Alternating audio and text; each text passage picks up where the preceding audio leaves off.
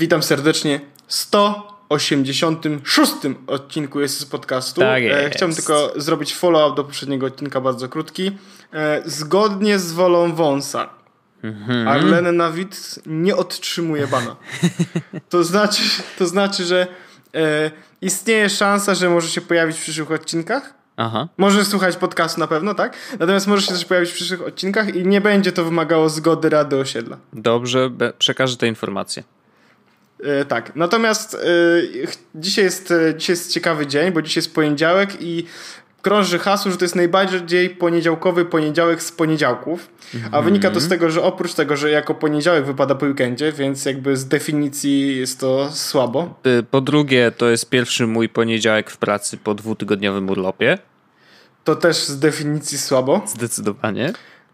Po trzecie, nadal nie ma e, internetu w moim biurze takiego super, więc to też jest słabo. Bo Senfina się przyniosło do nowego biura w ogóle. A, Taka, i, taka i nie macie internetu. To jest no mamy, klasyk. inter, mamy, mamy internet LTE niestety, Mhm. natomiast już w czwartek, dzisiaj jest poniedziałek, więc w czwartek będziemy mieli światłowód. Mm. Więc e, z lipy zrobi się nie lipa. Bardzo, To bardzo to jest To jest- przyjemna to jest taka perspektywa, ale nadal tak. jesteśmy w poniedziałku, Tak. nie zapominajmy o tym. Nie, nie zapominam, ale to jest taka w ogóle reakcja chemiczna, że z lipy robi się nie lipa. Mhm. I teraz i jeszcze jest jedna dość ważna rzecz, mianowicie wszystkie sieci Wi-Fi można wyrzucić do śmieci. E, no tak mówią, tak mówią, że rzeczywiście niestety, ale e, to słynne hasłowanie mm, to jest o I- kant e, dupy potłuc. I teraz chodzi o to, że jest taki mm, protokół zabezpieczenia WPA2. Najpopularniejszy I- chyba protokół zabezpieczania Wi-Fi domowego ever. I pojawił się teraz pojawił się teraz e, white paper, który e, wskazał na to, że jest e, w istocie w tym jakby to powiedzieć w tym No, rodzaju Spo, sposobie zabezpieczenia sieci Wi-Fi, tak? Tak, jest, jest poważna luka. E, I to na tyle poważna, że niestety, ale e, prawie wszystkie urządzenia są nią dotknięte. I teraz e, ona generalnie polega na tym, że można się do każdej sieci Wi-Fi chyba wejść. I można, Nie, można czytać- przechwycić sygnał między urządzeniem a routerem. A, tak. I, i, i, I ten sygnał jest wysyłany w plain tekście. W sensie można go odczytać jako w plain text. I teraz są, e, abstrahując od całej techni- całych technikaliów, e, polegając, o- mówiących o tych, co jakby tam się dzieje, mm, jak ten atak polega. Ja tam podlinkuję oczywiście artykuł i, i będzie, e, będzie informacja, tam jest dużo, dużo rzeczy. To są jakby trzy rzeczy, które warto powiedzieć. I Wojtek, chcesz od najzabawniejszej, czy od najbardziej przydatnej? E, Jedźmy od najzabawniejszej. iOS e, 10 w górę oraz Windows 7 w górę nie są, e, jakby nie, e, nie można ich zaatakować. Teraz Okej. wiesz dlaczego? Bo mają źle zaimplementowany protokół i z powodu błędu są. Nie Naprawdę? zaatakować. Ej, ale okej, Windows to jeszcze rozumiem, ale W sensie, to, Ale jest, ta, to jest tak, że y, da się w jakiś sposób, natomiast to jest y, bardziej y, skomplikowane niż mniej skomplikowane, chociaż ktoś na Twitterze powiedział, że y, w ogóle to jest impossible, żeby... y, zaraz znajdę ten cytat. Aha. Y, nie, nie, nie, w- Windows i iOS nie akceptują retransmission of message, czyli tego klucza y, trzeciego, jakby, który się wymieniają tym kluczem. no. To sprawia, że one, mm, że te urządzenia nie wspierają w pełni standardu 802.11 i y, przez to y, niektóre z tych ataków y, nie będą działały na iOSie i na Windowsie. To jest taka ciekawostka, zabawna. Okej. Natomiast e, natomiast ważna informacja jest taka, że faktycznie mm, to jest duży problem i niestety y, pojawia się, po, pojawia się głos, że, to, że łatki to naprawią. Natomiast ten błąd nie jest w, w systemie jakimś, tylko w ogóle w samym tym, jak Wi-Fi jest zbudowane. Więc teraz, żeby tak naprawdę e, tego błędu się wyzbyć, to trzeba by zrobić kolejny nowy protokół, który na, ten, e, na to będzie uodporniony. No a protokoły Więc jednak basically we are ich... all fucked. No właśnie. I, Damn. i, można włączyć e, WPA2 Enterprise e, podobno w jakiś sposób i on to jakby jest uodporniony na działanie tego mhm. kraka. Natomiast ważne są dwie informacje dla nas jako użytkowników. Prawdopodobnie nasze sieci domowe są bezpieczne. Bo? Tutaj, no bo myślę, że nikt nie będzie przyjeżdżał pod nas dom, żeby nas zahakować naszą sieć. Natomiast mm. jeśli tak by się wydarzyło, to są dwa rozwiązania problemu. W ogóle e, pierwsze z nich jest takie, że VPN jest e, odpowiedzią na te pytania troszeczkę. E, na, bo on szyfruje cały ruch, nie? Znaczy tak. oprócz tego, że efekcie... przepuszcza przez inny serwer, ale zaraz, tak, ale... to szyfruje... No dobra, ale szyfruje twój komputer do routera też? A, bo na komputerze już jesteś w VPN-ie. Więc jesteś, jesteś jakby do pod, jednego. Pod tym, okej. Okay. Jesteś podpięty jakby do jednej usługi i cały ruch dzieje się w obrębie tej usługi. Mm -hmm. Więc. Więc tutaj, y, więc, to jest, więc jeśli połączacie się do jakiejś sieci Wi-Fi w kawiarni czy, tak bardziej, czy coś takiego, to zdecydowanie y, VPN, nawet operowy VPN, który jest za darmo, jest rozwiązaniem problemu bezpieczeństwa w jakiś sposób. Natomiast jest jeszcze druga rzecz, która jakby mm, jest równie ważna i nie wymaga VPN-a. Mhm. Używajmy HTTPS everywhere. Okay. I to jest, a, to jest add-on i do e, przeglądarek, i do w sensie prawie wszystkich przeglądarek, do Safari nie, z racji tego, że Safari nie pozwala na modyfikację adresu URL, w sensie na takie dodatki, które modyfikują adres URL. Mhm. Bo HTTPS Everywhere działa w taki sposób, że po prostu jeśli wchodzisz na stronę, która ma HTTP, to on zmienia adres na HTTPS. Mhm. Więc wtedy y, wchodzisz na HTTPS e, wszędzie. No ale Natomiast potencjalnie to jest takie... niebezpieczne, nie? Znaczy... Potencjalnie to jest niebezpieczne, to prawda. Dlatego Safari generalnie nie pozwala na takie rzeczy, co jest z jednej strony plusem, no bo nikt ci nie może zrobić żadnego ataku związanego z z podmianą twojego adresu, natomiast minusem, no bo mm, HTTPS Everywhere po prostu nie działa. Natomiast jeśli używacie Firefoxa, Chroma czy czegokolwiek, to prawdopodobnie ten addon jest. Na Firefoxa jest na pewno i na Chroma też mhm. jest. A wiesz co jeszcze zobaczyłem, że jest na przykład taka, teraz wyszukałem sobie, jest przeglądarka Endless Browser y, i, i ona ma to w, jakby w, w kodzie po prostu, że jest HTTPS tak? Everywhere jest y, baked in. A, widzę, widzę. Free open source built in with privacy. Okej. Okay. Jest też, wiesz co, jest, jest w ogóle takich przeglądarek parę. Jest na przykład e, Firefox w ogóle Focus chyba też wspiera HTTPS Everywhere. Jest Aloha, która też jest z VPN-em wbudowana i też ona chyba wspiera HTTPS Everywhere. Mhm. Mm, jest na przykład e, Brave, która też wspiera, e, jest bezpieczną przeglądarką na iOS-a i też wspiera oczywiście HTTPS Everywhere. Więc jest tych opcji dużo. A i ciekawostka była taka, że do dzisiaj y, mamy na Jesusie HTTPS od chyba trzech miesięcy jakoś, czy coś takiego. Nawet było o tym w odcinku, że, mm -hmm. że uruchomiliśmy. Mm -hmm. Ale nie było przeniesienia. W sensie, jak ktoś wchodzi na http jesus.pl, no to po prostu wchodzi na http jesus.pl. Natomiast teraz jest tak, że yy, ja na poziomie WordPressa cały ruch z HTTP przesuwam na HTTPS. Więc jak teraz coś wejdzie na http jesus.pl, to będzie nagle miał HTTPS i zamkniętą kudeczkę. Więc cały ruch, jeśli jesteście w sieci Wi-Fi otwartej, wyjdziecie na Jesus.pl, to nikt nie wie, że słuchacie Jesus podcast. Nikt się nie dowie. Więc możecie to robić spokojnie. Kurde, czyli nawet możemy my mówić o rzeczach nie do końca legalnych i tak. wtedy nas nie znajdą. Dokładnie tak, dokładnie. Kurde, super. Nie, poczekaj. oh wait. no ale e, generalnie to jest tak, że ten, e, to, ten jakby ten vulnerability wyszedł dziś, więc, tak. e, więc podejrzewam, że potrzebujemy jeszcze paru dni, żeby tak naprawdę dowiedzieć się co jak, jak to wpływa na, e, na nasze użytkowanie i co się teraz wydarzy. E, a, jest strona Cracks Attacks, która, mhm. która pokazuje, co można zrobić. A to ja podlinkuję i ja sobie wrzucam do Instapapera, bo sobie to przeczytam. Już widzę, że Też. zacznie się hakowanko w pracy na LTE. Nie, nie, ale... Ja, ja, ja, mam, ja mam taki odruch, że y, jak...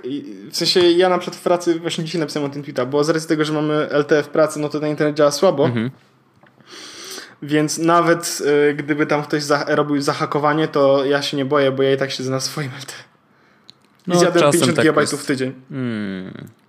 Hurts a bit, ale rozumiem. E, no, trochę tak, a z drugiej strony wiesz, Mobile Vikings ma naprawdę dobre stawki internetu. No tak, a ja w ogóle ostatecznie, może kogoś to interesuje, to ostatecznie się zdecydowałem na e, jednak New Mobile. Taki internetowy. Ja no bo, ja to szanuję, znaczy, bo... rzeczywiście poszedłem twoją drogą, to znaczy, że lepiej mieć alternatywny, to, bo to jest rzeczywiście bardzo sensowna rada, że jednak jeżeli masz dwa urządzenia, no to niech będą jednak w różnych sieciach. E, I wziąłeś sobie ten 29 zł za 40 GB? To, to jest tak, że ja płacę minimum 9 zł, ale maksimum 29. Ta oferta jest taka A, trochę tak, dziwnie to napisana. To jest... to jest... chyba to dokładnie, ale ona jest tak dziwnie tak, napisana trochę, to. że po prostu wiesz, jakby to nie jest na kartę, tylko faktycznie płacę co miesiąc 9 zł minimum. E, I wiesz, jeżeli nie skorzystam w ogóle, no to płacę 9, a jeżeli tam trochę go podduszę, no to rzeczywiście do 29 e, maksymalnie i mam do 40 giga e, miejsce, więc spokojnie. No i jak musisz wejść, to jest ważna rzecz, Wojtek. Nie żartuję. Zaloguj się na swoje konto, mm. nie mobile. Mm. Nawet, nawet teraz, jeśli, jeśli jesteś na przykład na stronie. Na karcie to nie działa, bo wiem, co chcesz powiedzieć. Znaczy odwrotnie. Na y, ofercie na kartę to działa, ale na ofercie na tej takiej na abonamentowej im dłużej, tym lepiej. Działa. Działa. No to ja nie mogę działa. tego znaleźć. Bo yy, widziałem, że można to włączyć i to jest zaznaczone tam informacja, że no dla new na kartę, coś tam, coś tam. No to wtedy mówię, jak, jak no dla new na kartę, no ale... no to nie wchodzę. Czy usługi, no. ale Wojtek, tam wszystko jest na kartę. No nie, no nie do końca, no przecież ja mam... Ty masz, wszystko, y, ty masz new internetowy, tak? Mhm. To jest to. New internetowy. No ja ci wejdę, we, zaloguję się i, i powiem ci, czy mogę to włączyć. Bo oczywiście bardzo chętnie. Dla niej new internetowy możesz włączyć usługę, im dłużej, tym lepiej. No, no dobrze. Możesz. No to teraz I poczekaj. po 6 miesiącach będziesz miał 80 GB, no. po 12 miesiącach 100, a po 24 120. ja to szanuję. Witam. Ja to szanuję bardzo. Włącz nowe usługi. Czekaj, teraz klikam tu. Ładuje się. W ogóle to mam moje płatności 0 zł. Ja nie wiem, czy to dobrze. Im dłużej, tym lepiej. Nieaktywne. Włącz. Aktywuj. I mogę się założyć, że. O, czekaj, aktywacja 0. A, dobra. A zobacz, jak osiągniesz staż 3 miesiące, przestaje cię obowiązywać minimalna kwota rachunku 9 zł. Aktywuj usługę. Czy będę, czy dostanę SMS-a? Bo wiesz, że jeżeli dostanę SMS-a, to muszę wyjąć kartę z iPada, włożyć. O, poszło. O jego realizacji zostaniesz poinformowany SMS-em. Dzięki. Ale to dostanie... No nie, okej, okay, ważne, żeby to zostało włączone, no jasne. Tak, realizacja jest już zbędna, więc no więc masz, to, to jest bardzo spoko usługa, więc y, ja na przykład, y, Wojtek, teraz mam 20, tak? 20 GB no. internetu. No. Tak? Czyli 20 GB? Jak to jest oferta? z rachunkiem. Tak, 20 GB internetu, no a za pół roku witam 40 GB internetu. To jest. A y, ostatnio zapłaciłem abonament mhm. i wiesz, wiesz, wiesz, zapłaciłem abonamentu no. za de, dużo gigabajtów internetu i ten, i chyba parę połączeń zapłaciłem 19 zł 1 grosz. Okej. Okay. Nice, bardzo, to jest yy, bardzo fajne. No bo nie, pisa nie pisałem SMS-ów, tak? Połączeń telefonicznych też nie zrobiłem za dużo. E, I internetu wykorzystałem. Więc... Bardzo to szanuję. Bardzo spoko. E... W, ogóle, w ogóle ja na przykład myślę też jeszcze o jed... tylko jednej no, rzeczy powiem, no. E, bo jest e, w przypadku to będzie troszeczkę kontr do, do, w stosunku do tego, co, co robię w tym momencie, z racji tego, że mam telefon w New i iPad w Mobile Vikings, mhm. ale myślę o tym, że jakbym wziął sobie kartę za 19 zł dodatkową, mhm. do internetu dostaję w New dodatkowe 20 gigabajtów. No.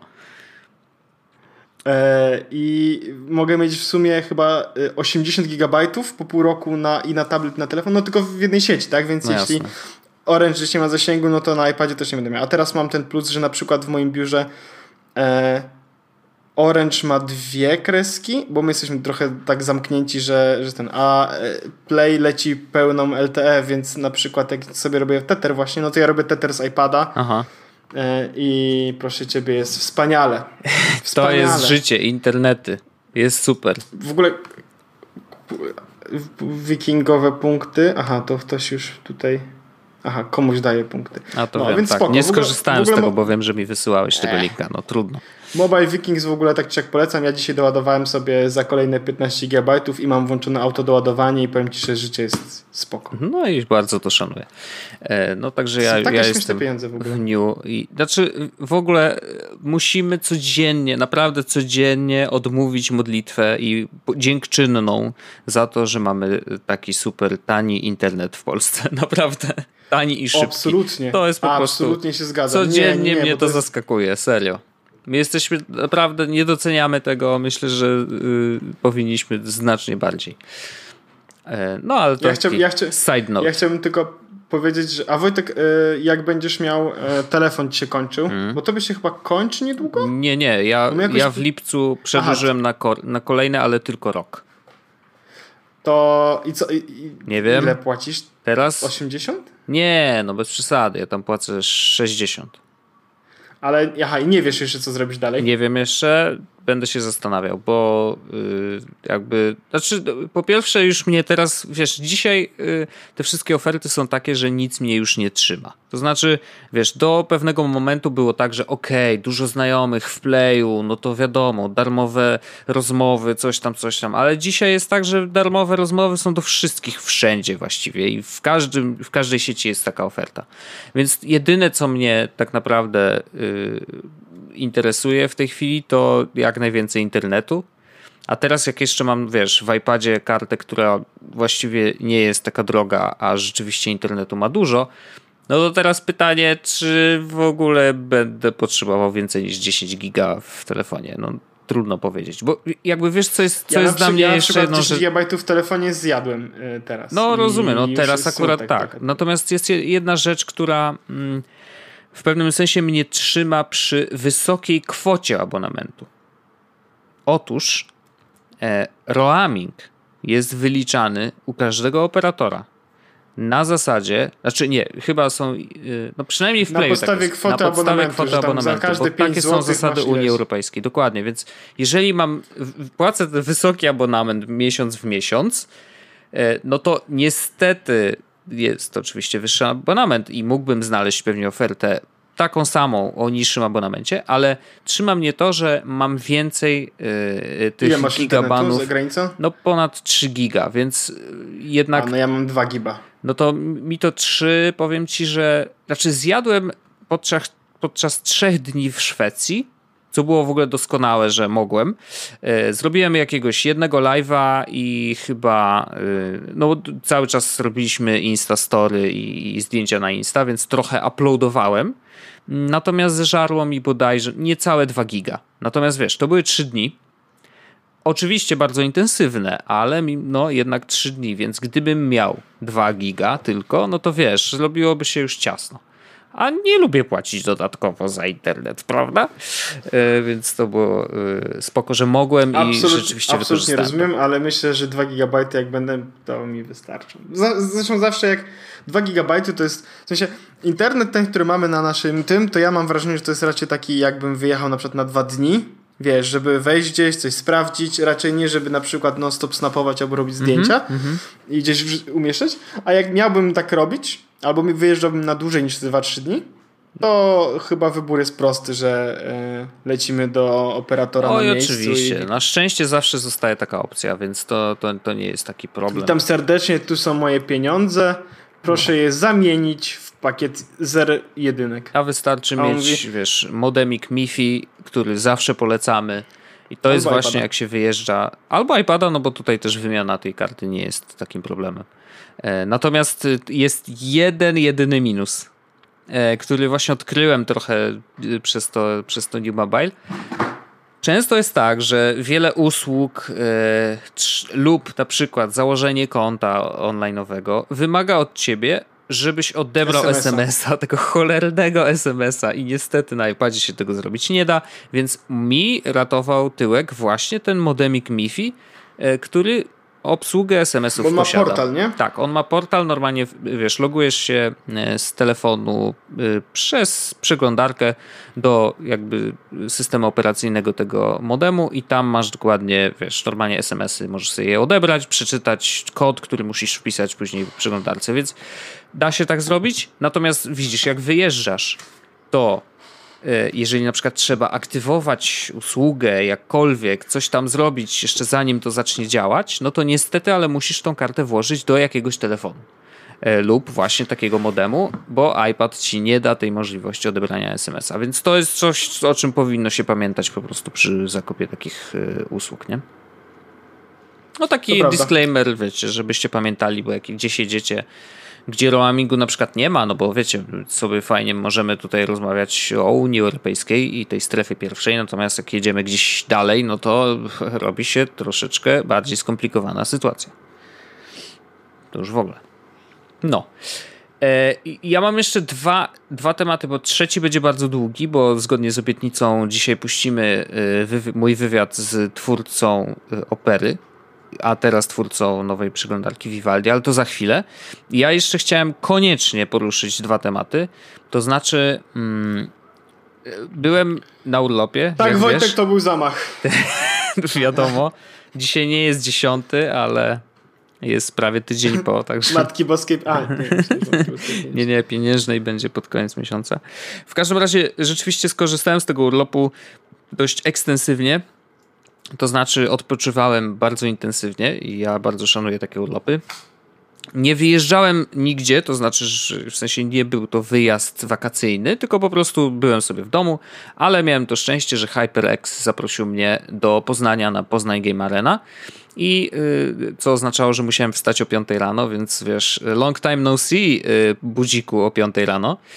E, ale rzeczywiście pojechałem z, tak, z ekipą dziennikarzy, różnych influencerów i ludzi Oho, z branży. Ekipa dziennikarzy. Wojtek, Wojtek, upadłeś? nie, ja nigdy nie upadam, bo jestem diamentem. E, w każdym razie y, muszę powiedzieć, że to był bardzo fajny wyjazd.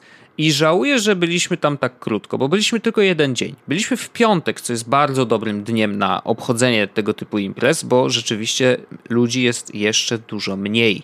No bo wiesz, jeszcze nie ma weekendu, yy, dzieciaki są w szkole, yy, czy, a niektórzy rodzice są jeszcze w pracy, więc dopiero tłumy się zlatują na sobotę i niedzielę. Natomiast yy, rzeczywiście piątek jest spoko, no, ale mimo wszystko mieliśmy trochę za mało czasu, bo PGA okazuje się, że jest, bo ja byłem pierwszy raz, jest po prostu ogromną imprezą. Tam hal y, z różnymi stoiskami jest chyba, y, no nie wiem, tak strzelę, powiem ci, że mniej więcej 5, 6 albo nawet 7 bo cyferki były do 8, ale, ale nie było hal chyba 1 i 2, tak mi się wydaje. Jakoś tak. No w każdym razie wiesz, hal jest dużo, stoisk jest mnóstwo e, i rzeczywiście jest to bardzo fajnie zrobione, ale jakby nie chcę opowiadać o samej imprezie, no bo to wiadomo, no czym mogą się różnić targi growe od innych targów growych. No jeżeli byliście na takiej imprezie, to wiecie czego się spodziewać. Natomiast jest jedna rzecz, którą HyperX nawet poruszył u siebie na imprezie, znaczy na swojej takiej małej konferencji, którą zorganizowali dla nas. E, to jest w ogóle tak zupełnie e, pobocznie powiem, że ta konferencja była bardzo fajna, bo po prostu pokazali nam nowe, nowe sprzęty, jakie mają. Polecam w ogóle rzucić okiem na klawiaturę mechaniczną. Orzech, bardzo ci się to nas podoba, bo ja wiem, że ty masz takie jazdy trochę do, na klawiatury mechaniczne, a... O właśnie, miałem ci powiedzieć, FPS, że coś kupiłem.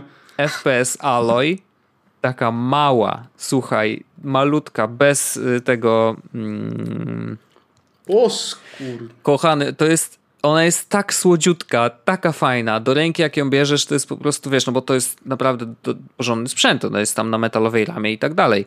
E, Ej, ale poczekaj, ale ona. Y...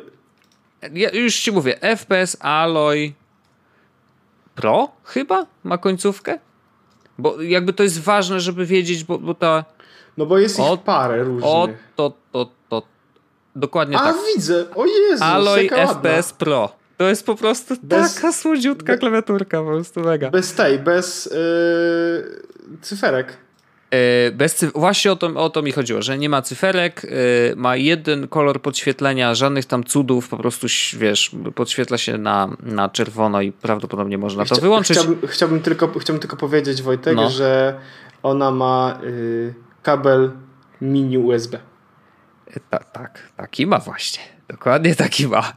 No i oczywiście wszystkie guziki są wyciągalne, wiesz, tam można na przykład wymienić WSAD na, te, na, na wersję czerwoną, tak żebyśmy miał podświetlone te najważniejsze guziki, wiadomo, ale naprawdę miałem ją w rękach i była taka słodziutka, fajna, że jakby z jednej strony jest mechaniczna, wiesz, no, a one generalnie są takie potężne, a ona właśnie przez to, że jest taka mała jest super, bo nawet można ją wziąć do plecaka, ale nie o tym, nie o tym.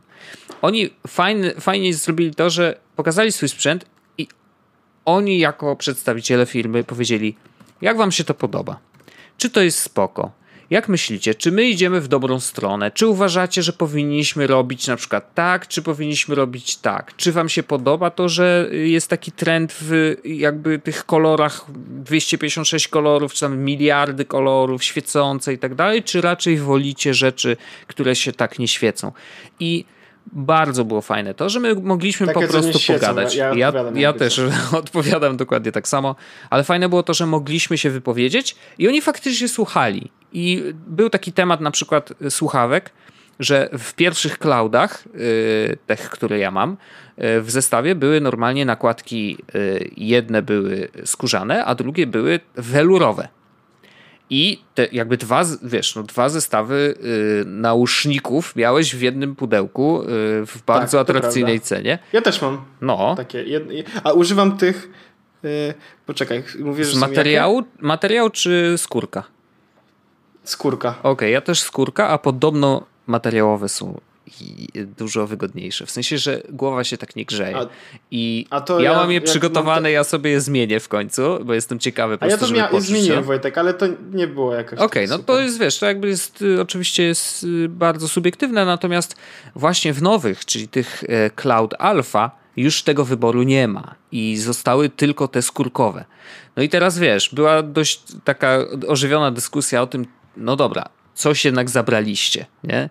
Natomiast z drugiej strony te słuchawki są naprawdę dużo bardziej zaawansowane. Tam, tam jakieś tam są podwójne e, double chamber jest na oddzielna jest komora na basy, oddzielna komora na y, wysokie i średnie tony, wiesz, tam konstrukcja się bardzo zmieniła. No jakieś cuda nie widy. Y, cena nadal jakby zostaje dość atrakcyjna, jak na tego typu sprzęt, więc tutaj na szczęście HyperX, wiesz, nie zmienił. Natomiast właśnie samo pudełko i to, że ten, ten, to bogatość wyposażenia jednak jest mniejsza, więc no i była taka dyskusja, że no wcześniej dawaliście wybór, teraz nie dajecie, czy to jest dobrze, no nie dla wszystkich i tak dalej. No, wiadomo, że starają się mm, tego wybronić, ale pojawił się pomysł, że może po prostu jako dodatkowe akcesorium będzie można dokupić sobie welurowe nakładki i po prostu z nich korzystać. Co uważam, że jakby jest bardzo dobrym rozwiązaniem, bo po prostu jeżeli chcesz dodatkowe, możesz je dokupić za jakąś tam nie, niekoniecznie dużą cenę, ale to jest fajne. Natomiast do czego dążę, bo w ogóle wiesz, dlaczego o, czym, o tym zacząłem mówić. Pojawił się taki temat, taki trochę gorzki, mam wrażenie. I, I, mam wrażenie, że właśnie przedstawiciele HyperXa tak troszeczkę z taką goryczą w głosie opowiadali o tym, że impreza typu PGA czy inne imprezy, IM, yy, czy, czy też na Warsaw Games Week nie, był, nie było aż tak bardzo to widoczne. Natomiast rzeczywiście na PGA coraz więcej miejsca, coraz więcej ekspozycji miały brandy i branże, które właściwie z graczami i z grami nie miały do tej pory nic wspólnego. I nie mówię tutaj o jakichś tam, wiesz, ekskluzywnych e, markach typu yy, nie wiem, Volvo albo jakieś Audi, samochody, wiesz, ale na przykład takie marki jak Gillette, trochę od czapy, to może gracze powinni być no ogoleni, Wojtek, nie y, wiem, może tak. tak. Y, to jest dla, y, dla tych, co też Fedorkę noszą. A no to zmień swój image. E, tak, ale na przykład Carrefour. To jest A, ciekawe. No to właśnie. dla tych, co nie wiem. No i właśnie, i to jest to. Oni zwrócili na to uwagę i, i mówią, że rzeczywiście takie marki, takie duże, bardzo duże brandy, które mają naprawdę kupę kasy na to, żeby pojawiać się w różnych miejscach i nie mają z tym problemu, żeby sypnąć, wiesz, milionami złotych po to tylko, żeby mieć największe stoisko na targach. E, oni troszeczkę sobie zagarniają tą branżę gier komputerowych i graczy i e-sportu, bo widzą w tym biznes. Nie? I jakby widać było w HyperXie, i nie wiem, czy inni też producenci sprzętu mają takie same poczucie, no bo jakby nie rozmawialiśmy z nimi o tym, ale rzeczywiście tutaj było tak, że kurde, my tutaj wiesz, dziubiemy, robimy ten sprzęt, dajemy narzędzia, takie fizycznie narzędzia dla ludzi, y, którzy chcą grać na mega profesjonalnym poziomie lub mniej profesjonalnym poziomie, ale chcemy im dać coś, tak, od siebie. Oni ten sprzęt kupują, nie wiem, na tym stoisku mają jakieś zniżki, wiesz, to coś się dzieje, tak. Natomiast tutaj przychodzi Carrefour, który handluje, powiedzmy, no, sprzętem niby sterowanym do e, graczy, a tak naprawdę, no wiesz, to, to są sprzęty bardzo, bardzo tanie i one no, nie są najlepszej jakości, no umówmy się, to nie są jakieś wy, wypasy, mm, ale, ale oni przez to, że mają dużo kasy, no to naturalnie, y, wiesz, pojawiają się na tych targach i po prostu y, są bardzo, bardzo aktywni. No i według HyperXa ten trend będzie postępował i rzeczywiście będzie coraz więcej takich brandów. I to jest sprawa, która mnie zastanawia, bo nawet ich zapytałem, czy, czy oni się czują zagrożeni w pewnym sensie. No i, i może nie chcieliby tego powiedzieć wprost, ale chyba trochę tak. Ale wydaje mi się, że ich nie wygryzą. Znaczy rzeczywiście oni będą na tych targach zawsze, bo muszą być, bo ktoś na czymś trzeba grać. Nie? Jakby no nie ma, nie ma szans. Y, a oni jakoś y, cały czas się bronią na rynku tym, że jednak są nie najdrożsi, mają naprawdę dobrej jakości sprzęt, więc no spoko. Nie? Jakby HyperX zostanie, nie ma co się tam ciśnieniować. No ale rzeczywiście no, Yy, może być różnie, to jest coś, co raczej zostawiam do zastanowienia się, ale wydaje mi się, że co jak co, ale branża gier bardzo szybko się sama weryfikowała, zawsze.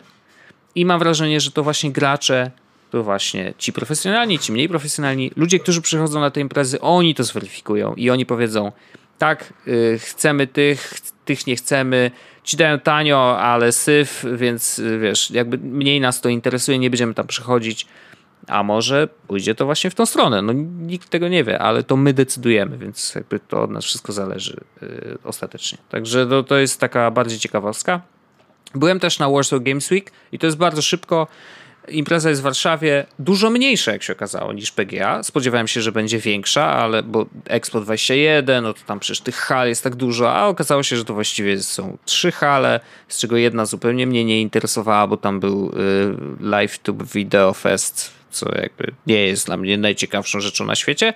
E, dwie ogromne, rzeczywiście duże hale, ale to tylko dwie, e, gdzie było głównie PlayStation, głównie Xbox, Asus i Nintendo. Grałem na Nintendo Switch i muszę powiedzieć, że to jest spoko konsolka. Naprawdę spoko. E, natomiast PlayStation chyba Chodzą miała... plotki, że są ludzie zainteresowani kupnem tej konsoli. Nie dziwię się wcale. Y, natomiast PlayStation rzeczywiście wydaje mi się, że jednak y, no troszeczkę zaorali, bo mieli właściwie jedną praktycznie całą halę dla siebie. Y, I rzeczywiście pokazywali te gierki. I muszę powiedzieć, że jest jedna, o której w sumie trochę zapomniałem. A dopchałeś się do tej jednej konsoli Xboxa, która była? Czy tam nie, faktycznie były trzy osoby? Baron Xboxa powiedział, że on nie, nie da mi pograć, bo nie. Więc no nie pogram niestety. Co za koleś? Gra w domu na Xboxie, wychodzi na Warsaw Game, żeby też grać na Xboxie. Zbyszek, ty już masz i jesteś jeden, co ją masz. Dej to pan, niech inni zobaczą. Dej pan pograć. Yy, tak, ale impreza była spoko, byłem tam dwa razy. Mam, nawet. mam chorą konsolę. O, mam w ogóle temat konsolowy taki szybki, Wojtek. No to mów. Czy twoja konsola w ogóle, y, jak odpalasz gry, to zaczyna y, odlatywać i wiatraki lecą i Wiesz co, tragedia? Niestety nie jestem w stanie zweryfikować tej informacji. Znaczy nie sprawdzałem, ponieważ ja ostatnio gram tylko na PC. Wiem, że to straszne, ja ale... No. Ja to rozumiem, natomiast ja ostatnio odpaliłem, bo jest, jest Phantom Pain w A. plusie. No. Więc odpaliłem, żeby ten. I jak tylko, jak tylko uruchomiłem konsolę, to było tak. Ja mówię, oho. I e, ciekawostka jest taka. Ciekawostka jest taka, że e, podniosłem konsolę. Ja mam konsolę na takim stojaczku. No. Podniosłem i tam jest tyle kurzu. Natomiast minus jest taki, że nie można tego tak łatwo rozebrać. Aha, okej. Okay. Jeśli chce się wyczyścić konsolę, to musisz mieć klucz Torx 8 albo Torx 9, żeby ją rozkręcić. A jak chcesz ją rozkręcić, to tracisz gwarancję. Natomiast no, my już gwarancji nie mamy, bo no, jak tak. kupiliśmy na premierę, to znaczy, że było z 3-4 lata temu. No. No więc Torxa ja szukasz teraz? Nie, nie, nie, szukasz Wojtek. Jutro A. mnie będą klucze. O, ja to szanuję. Jak będziesz, chcia... będziesz chciał, to ci, mus... to ci pożyczę. Dobrze, dobrze, dobrze, y, ale mam nadzieję, że zrobisz y, live streaming z tego, jak czyścisz konsolę, przyjacielu. O, właśnie, to jeszcze Mofi. No. A to tak, tak, tak, no. I Mofi tak, też muszę zrobię. ci oddać, pamiętam o tym, dokładnie. No ale to, yy, to tak, zrobię, zrobię livestream. Poproszę, yy, mam tutaj taką yy, dobrą operatorkę wideo. O, wspaniale. Więc y, dam jakby urządzenie nagrywające w postaci iPhone'a i tam prawda się odbędzie bardzo, e, stream. Bardzo Periscope, tak? Co się teraz, co się teraz Teraz zrobi, zrobi albo Facebook Live, albo no. Twitch, albo YouTube nadal. YouTube chyba czyli, najlepszy. Czyli Facebook. Albo no to, fe Facebook YouTube. rozejdzie się jak szalony, to wiesz. No to Facebook, to zrobimy streama Dobrze, na fejsie. To będzie viral, coś czuję. E, no, no, dobrze, to teraz może przejdźmy już do tej, bo już żeśmy i tak, po pierwsze bardzo długo gadamy, po drugie ten odcinek będzie super długi, bo sama rozmowa moja z Johnem y, też jest dość długa, więc wybaczcie nasi słuch kochani słuchacze, ale będziecie mieli więcej kontentu do słuchania. Sorry, y, nic z tym nie zrobimy. Ale rzeczywiście Więc, tak, tak, Teraz zostawiamy was ze mną znowu yy, i z Johnem w wersji angielskiej, bo zgodnie z tym, co ustaliliśmy z wąsaczami, nie musiałem tego tłumaczyć, więc zostawiam po prostu oryginał. E, nie wiem, co na to Arlenson. E, mam nadzieję, że będzie tego na przykład. Wojtek, nie będzie tego słuchać. Słuchaj, powiem ci tak, Wojtek, gdybyś potrzebował gdzieś, żeby się przespać. Aha, masz e, jakąś kanapę to nie, wolną? To nie, to nie u mnie, ale będę trzymać kciuki. Dzięki, stary. Ej, ty masz nowe biuro, może tam coś się znajdzie. No, jeśli chcesz, to mogę ci kanapę sprzedać. Doskonale. No dobrze, to ja już jestem przygotowany. Take it away, Wojtek i John. Słuchajcie, Jesłos podcast. We, we can't talk about the future without talking about the past for a minute. Uh, so you were working on Oprah in Telenor. Yes. Uh, why Telenor was uh, interested in building a browser? I mean, my research group, and this was a research group. Yeah we were looking at okay interesting technologies that are happening out there and then we kind of stumbled upon the web. Mm-hmm. now this mm-hmm. is 1992 yeah. So we set up the first web server yes. in norway one of the maybe 100 first web servers in the world. Uh-huh. and we start playing with technology. So we we build um, kind of our own web page obviously. We built an intranet before the term existed nice. Uh, uh, we, we built uh, tools to gather information from different sources. Mm-hmm. Uh, I spent quite a lot of time building. Um, I built some of this, like the web page and the like, but also still spent a lot of time building a tool to convert uh, word processing documents to HTML. Oh. So we had at the time the most used uh, word processing tool was FrameMaker. Mm-hmm. And so I built a tool to take FrameMaker documents which were quite advanced, and convert them into HTML documents, including images, tables, graphs, everything. So that was a task. So we were just doing a lot of these things, and then we're thinking, okay, why don't we build a browser? just like that, right? Yeah, um, I mean, we were thinking. I mean, before this, working on the web, we worked on a word processor. Yeah so we built a word processor for a document format that was a standard but no one used. okay. meaning, meaning it was a specification that was written by official standards okay. societies. Yeah. But we were the only ones that implemented. So we implemented a, a word processor with mm-hmm. uh, in, integrated email, uh, uh, video, uh, video, and it, forums. Yeah. So it was the it was Oper- no, Telenor.net or this is well, Telenor is the Norwegian telecommunications company. Yeah, sure. And before this, this this this wasn't called Telenor at the time. This was okay. actually state owned. Oh. And they had a, a, significant research department, and out of that research department, small things like video conferencing, mobile telephony, Yeah. uh, and things were. I mean, they were leading in those fields, right? Mm-hmm. And this is another example. We we looked at the web technology. We were way ahead uh, in, in in starting to use the technologies, and we are building tools that were. I mean, like my little converter tools was being used worldwide. I mean, by MIT, NASA, uh, kind of Nice. they were all using my technology because they were using FrameMaker and they were starting to use the web early, right? Yeah. Sure. Uh, so we were ahead of the curve, um, and then kind of this this web thing was interesting to us, and and then the concept of, of building the browser, we just felt, hey, we can do better than that. oh, okay. And so uh, yeah, you you, uh, you built a great browser, of course, but the belief that you can do better was probably most important in, in, in this project, right? actually, I mean, it took three months of discussion. Okay, of course.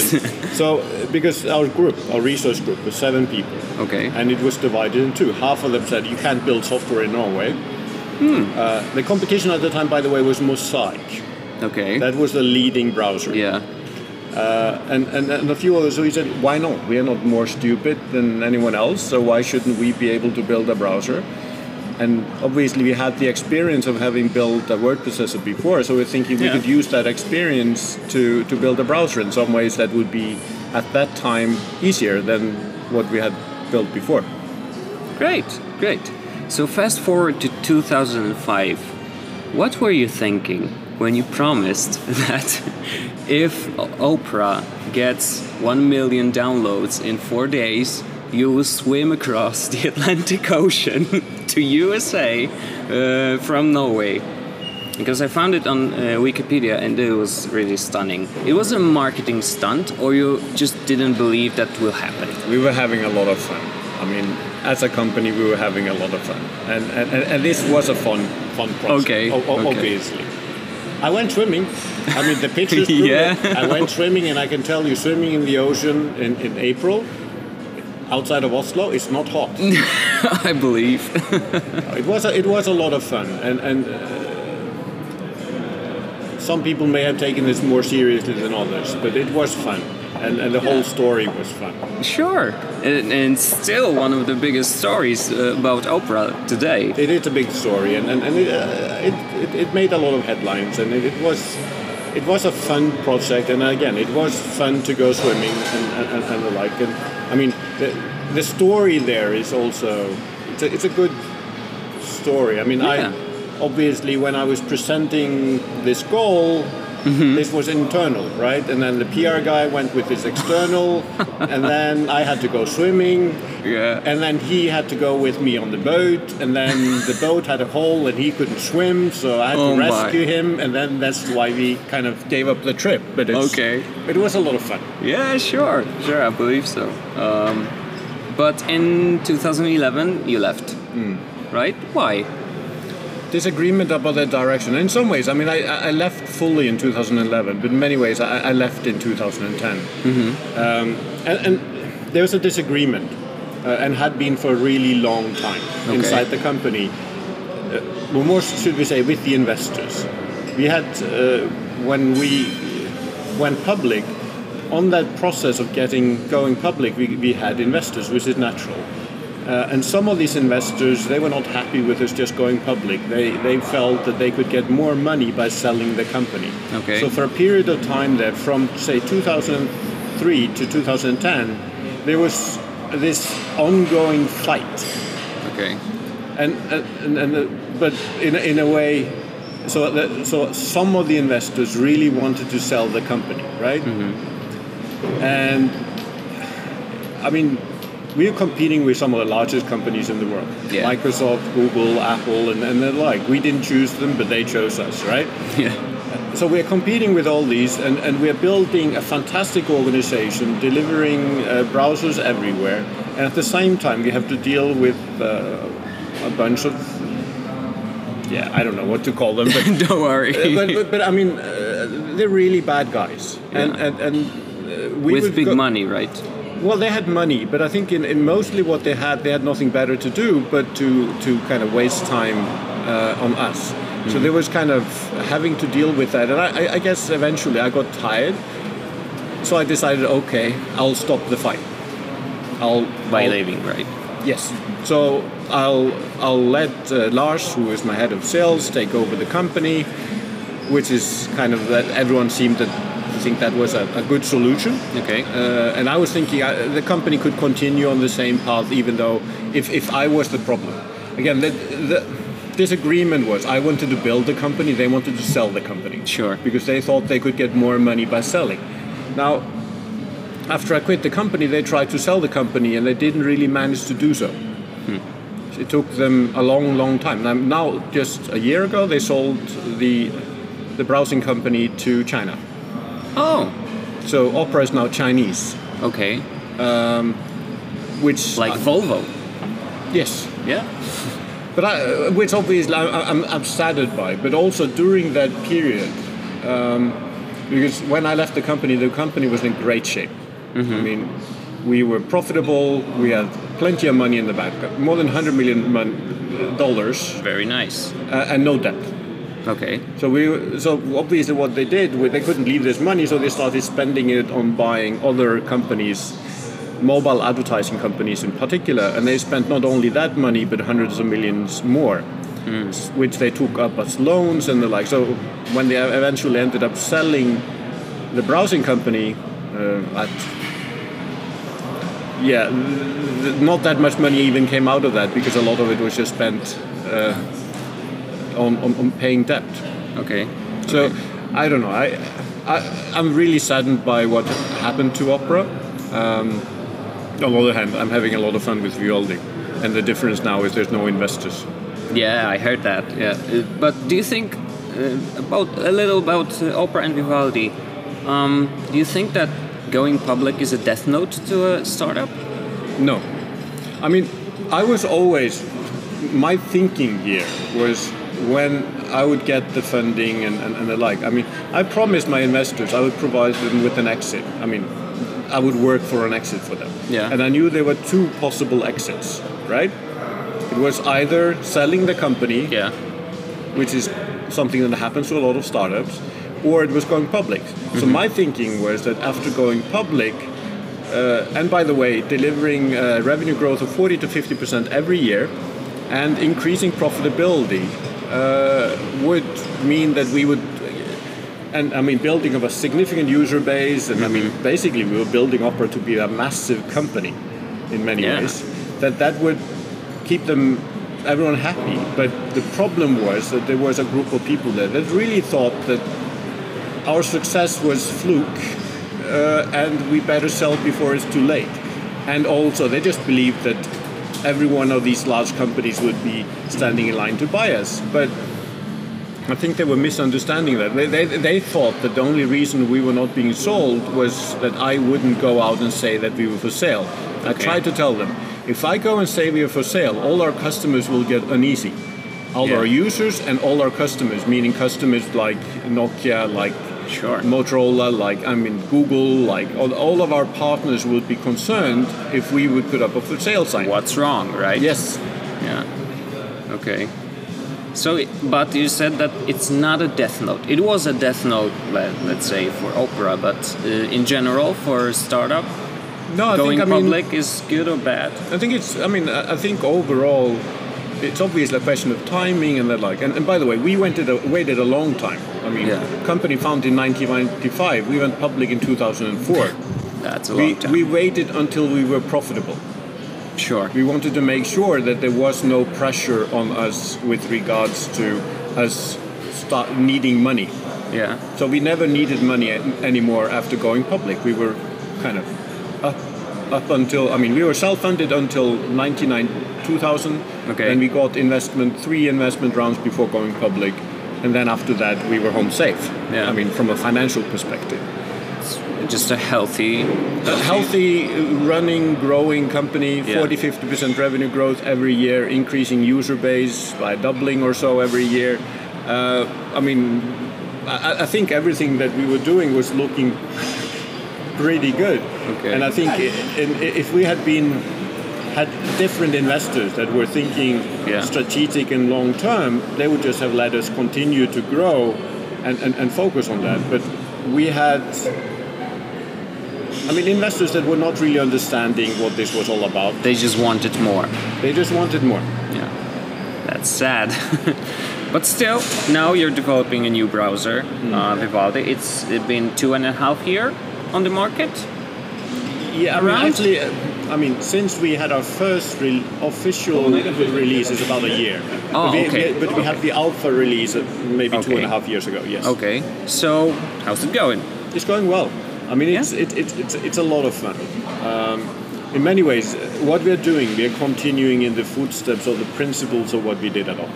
So you're starting it again in some way, right? Of course, the Yes. times changed, but still, you're building a new browser with in mind that it's going to be better than others, right? Yes, I mean when when we uh, kind of when I quit Opera, my thinking was okay, I'll I'll not do browsers again.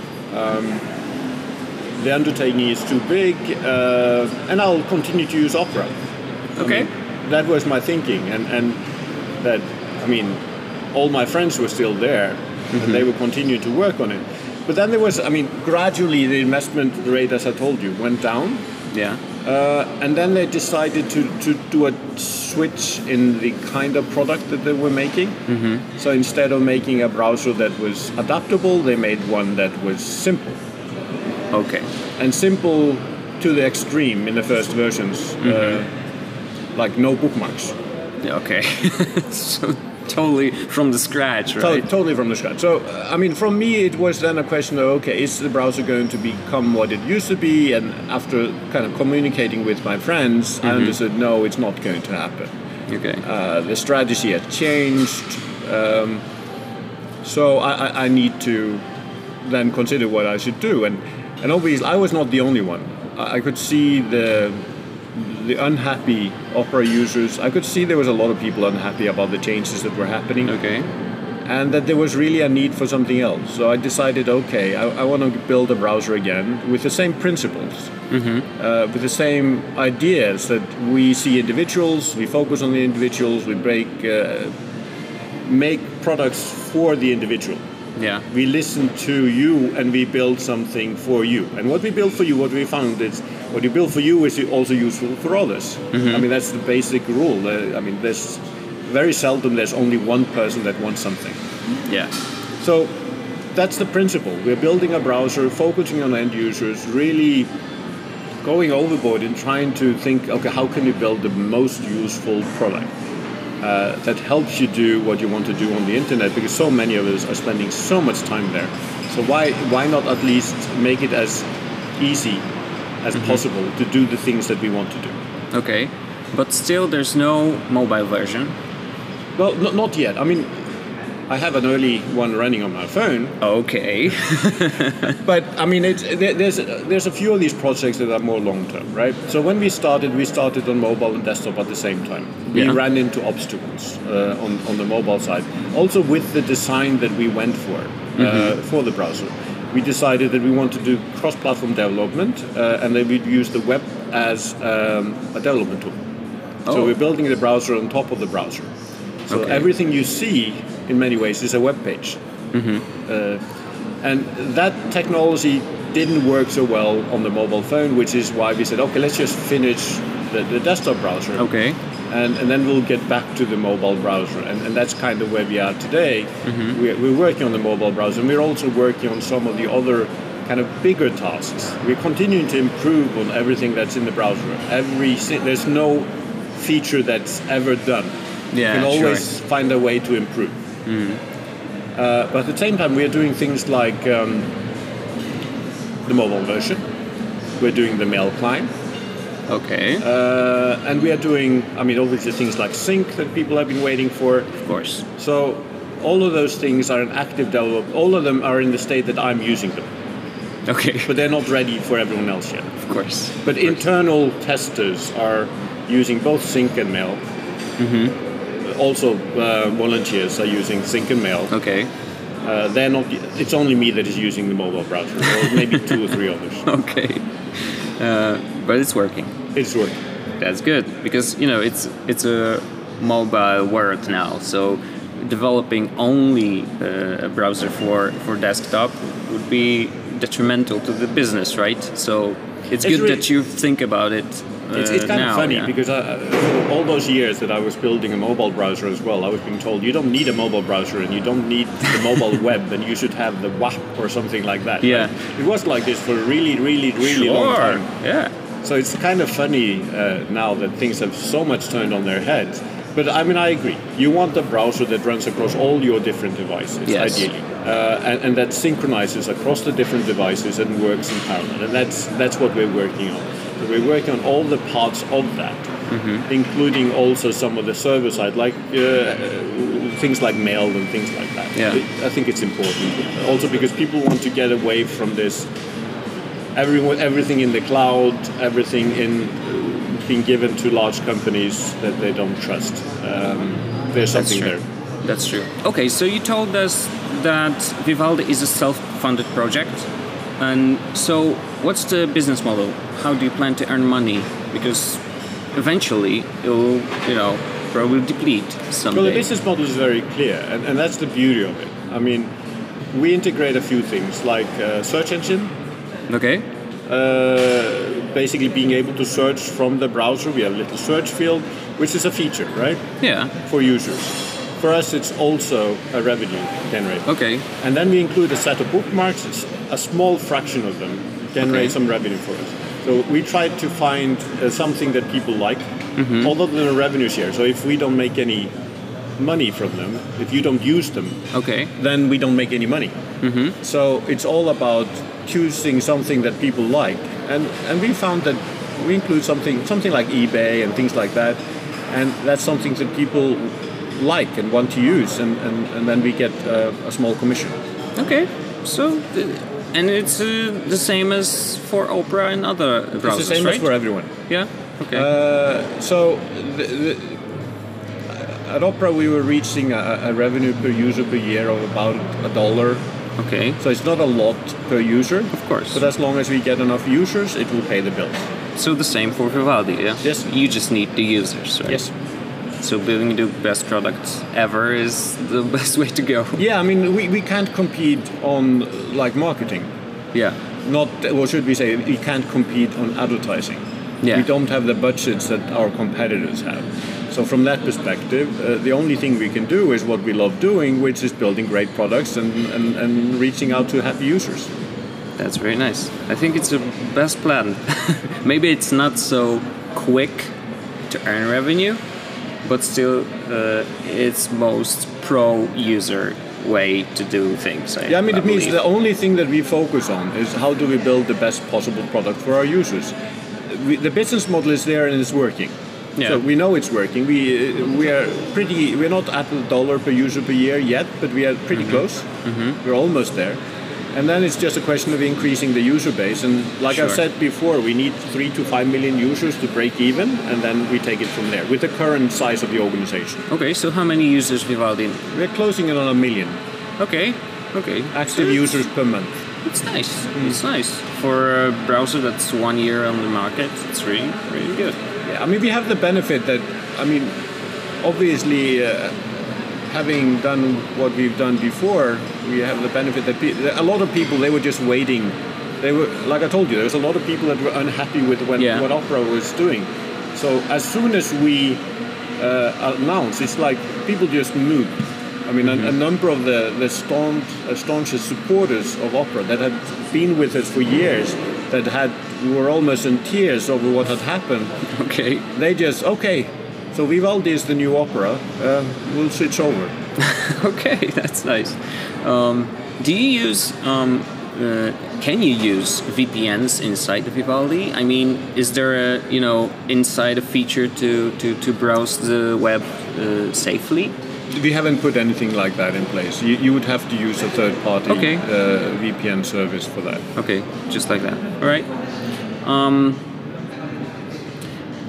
this may be a little uh, strange question, but I thought about it uh, while preparing for our talk. Um, is Vivaldi more a browser that changes the rules, or company that does things differently, or maybe both? I mean, there's probably a little bit of both. Uh, I mean, obviously, browser is the core of what we do. right? Of course. At the same time, we are redefining what a browser is because we're adding functionality that you don't find in other browsers. Okay. Some of those are being picked up, small, nice things like capture page and things like that. So we put that in, and you gradually seen that some of the other browsers are picking up on that and finding that actually that's really, really, really useful. Yeah, of course. Uh, but then we are doing bigger things like adding an email client and, and more functionality like this because there's certain things that we know that people want to use multiple of these services and having them easily accessible in, in one application is a significant benefit. At the same time, our organization and the way we deal with our customers and inside is, is I, I think, rather unique. Okay. we like to see ourselves almost like a family on the inside. Um, we are located in mainly three different locations. Most of the people are in Oslo.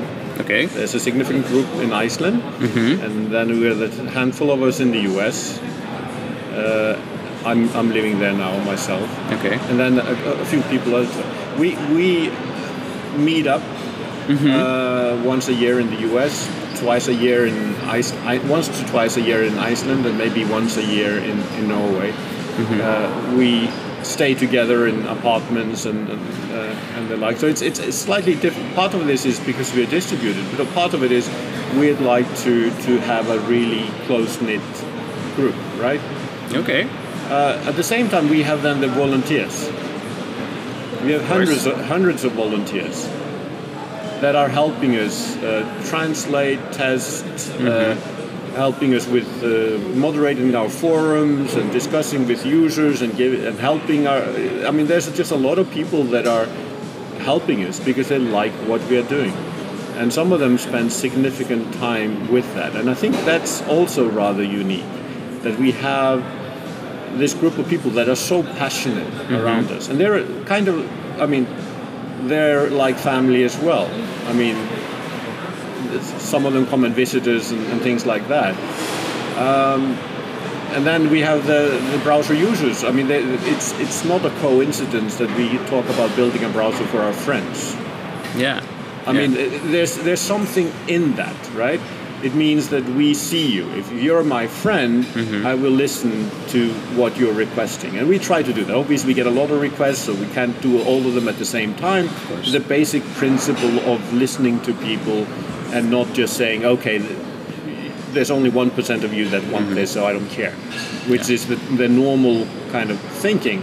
Well, in our case, every individual has a voice, and we will do things for you, and we'll listen. Then we pro- try to provide services, kind of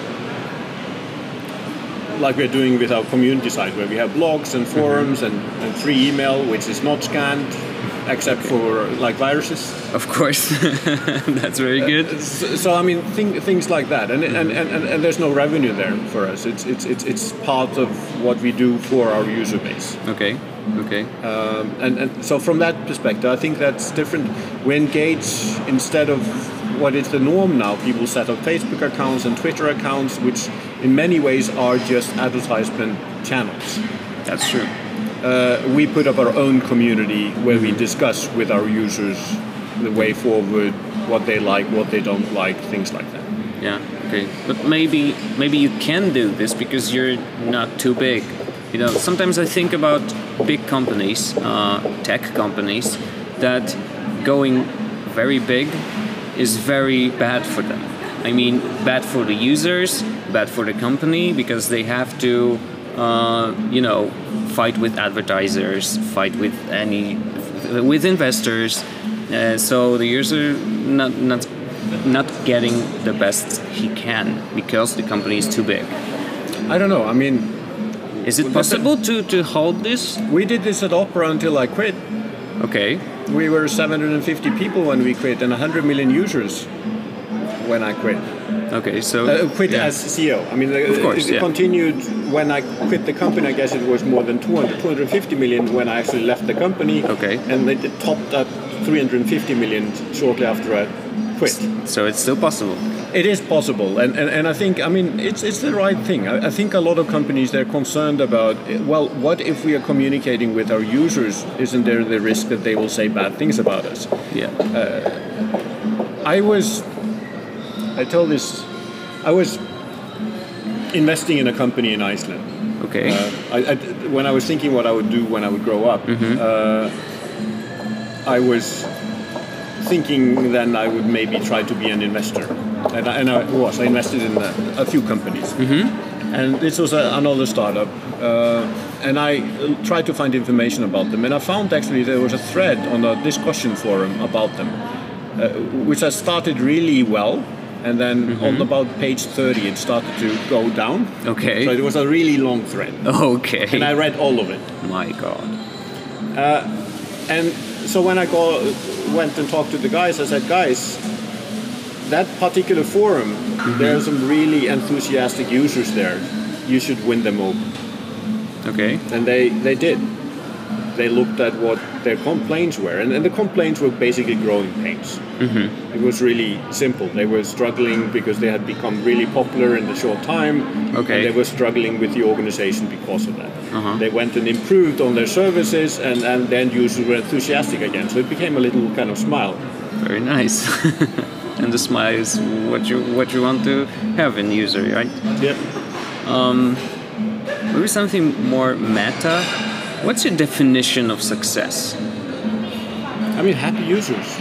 I mean, I, I think for the most part, that's the most. If, if you have a ha- if you have happy customers, obviously you need happy customers and you need profitability, right? Yeah. Because if you have happy customers, and not profitability, you can't sustain your business. That's true.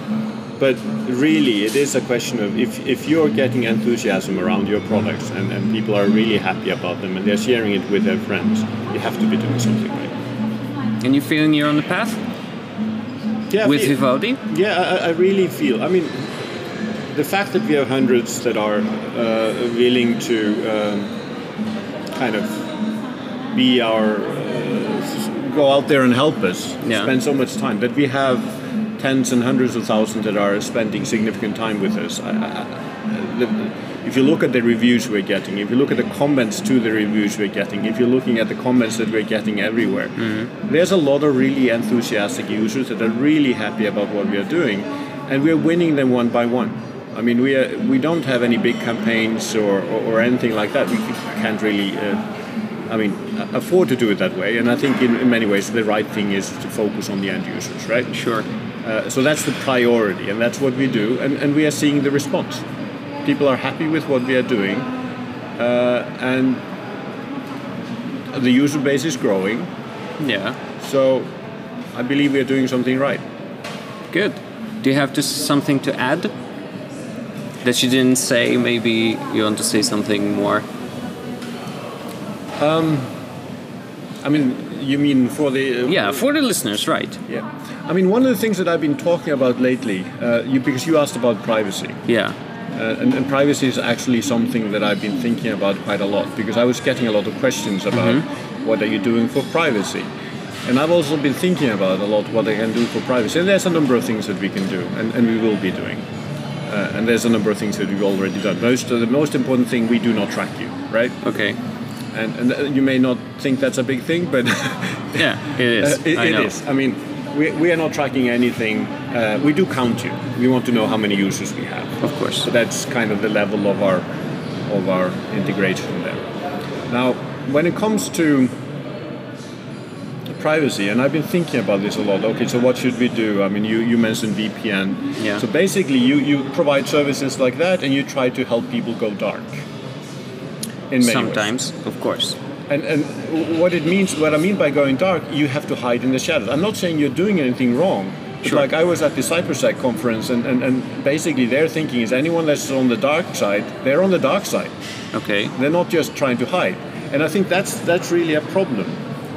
So my thinking is that we've gone too far with regards to um, the collection of data and the targeting of data. And I think we need to revisit that. Okay. That's my thinking. Okay. So I hope uh, you, you'll succeed with, with I'm trying to make some noise about this, and, and by the way, uh, I made some noise about this a few months ago, and uh, as, uh, two days afterwards, Google uh, closed down our uh, ad account. Really? Mm. Because you didn't pay, or Uh, there was no explanation, just like that? just like that. We then obviously communicated with them, and, and gradually they came up with a list of demands, some of which they were actually saying were not really necessary, but so they closed the account and then had to come up with an excuse. And then when we uh, did what they requested, which I can tell you what it was. I mean, they wanted our license to be under the download button. Have you seen many download buttons with the license underneath it? The license that's shown when you install. Yeah. Or we also have uninstall information underneath the download button. Okay. I mean, everyone knows how to, un- well, not everyone, but I mean, everyone that is installing programs knows probably how to uninstall them. That's true. So this is these are the kind of things that they were demanding. So uh, I actually went out and talked about this a little Okay. bit, um, and the um, and Google actually said no, they would never ask us to do something that they don't do themselves. No, obviously, if you go to their site and you look at whether there is an uninstall information Yeah. uh, uh, underneath the the download button, there is none, and there's no license information. In fact, if you install, for example, Adobe Acrobat, Yeah. Chrome installs silently if you don't have it from before. That's true. And uh, also Adobe Flash. Still. Yeah. So I mean, things like this. I, I, I really think that um, there's something to think about there. Uh, I, I think I don't have proof that there's correlation between those events, but uh, there's significant Sure. indications. Yeah. Uh, but I I really think that what we're bringing up here with regards to the privacy, it matters. Things have changed pretty dramatically when it comes to privacy. It's not been like this. I've been on the web since the very beginning. Yeah. And it's only in the last few years that the level of, of kind of um, scrutiny. I mean, the basic part that every step we take is being covered because we're being tracked everywhere. If Yeah. you're using uh, Google Maps or something, you might be asked to t- take pictures here at the hotel, right? Yeah. As an example. So they know you're here. Of course. And they can probably even, I mean, they also know that I'm here. Uh, so you, even they could guess that we're sitting together. Not that I'm thinking they are thinking like that, but they also know every page that we visit, every video we watch, uh, and uh, directly and indirectly. And, and I think it's it's it's too much, and it's not necessary. The businesses on the internet were working just fine, even before this level of tracking. And in some ways, okay, what's the big deal? We are hearing a lot about fake news and propaganda happening under the fold, and I think it's being enabled in part with this technology. Mm-hmm. And then I think the problem is so significant that it needs to be tackled. It needs, absolutely. Słuchajcie Jesłos Podcast. No i jak, Orzeszku? Yy, super rozmowa, prawda? Tak, i o, ja się do niej odniosę w przyszłym tygodniu. Tak sobie postanowiłem. Tak, Bo dokładnie. już zakończamy ten odcinek, więc w przyszłym tygodniu się słyszymy i będziemy rozmawiać o tym, co usłyszeliśmy. Pogadamy o Dziękuję- Vivaldi i o dziękuję tym ci, Wojtku. O, to nawet wiem, jak nazwać ten odcinek. E, Vi- Vivaldi gra. Nie, cztery pory roku. O, pięknie. Dobrze, bardzo dobrze. Dziękuję bardzo Wojtku za 186 odcinek. Cieszę się, że zrobiłeś wywiad z Johnem e, i, i naprawdę uważam, że to była superancka rzecz. E, porozmawiamy o niej w przyszłym odcinku. Tak jest. E, więc dziękuję bardzo i do usłyszenia już za tydzień w 187. Tak jest, 187. Ja tylko chciałem powiedzieć jeszcze, że jeżeli było spoko, to naprawdę nie klikujcie się, dajcie znać, dajcie łapki w górę. Nie no, napiszcie nam na, nie wiem, na Twitterze, na fejsie, na wąsaczach, na Discordzie, gdziekolwiek jesteśmy. Napiszcie, że, że nie wiem, że wam się podobało, bo wtedy jak dostajemy taki sygnał, to ja wtedy na przykład wiem, aha, dobra, to może warto robić tego typu To muszę wywiady, mówić może journey, robić to a nie journey. częściej. Na przykład. Może warto robić to Dobrze. częściej, bo to się wam podoba i, i super. I wtedy jest ok. A jak nie, to po prostu nic nie mówcie. Wystarczy. Dziękuję. Dziękuję się. Wojtek. Do za tydzień. Cześć. Pa. Jesłos Podcast, czyli Czubek i Grubek przedstawiają.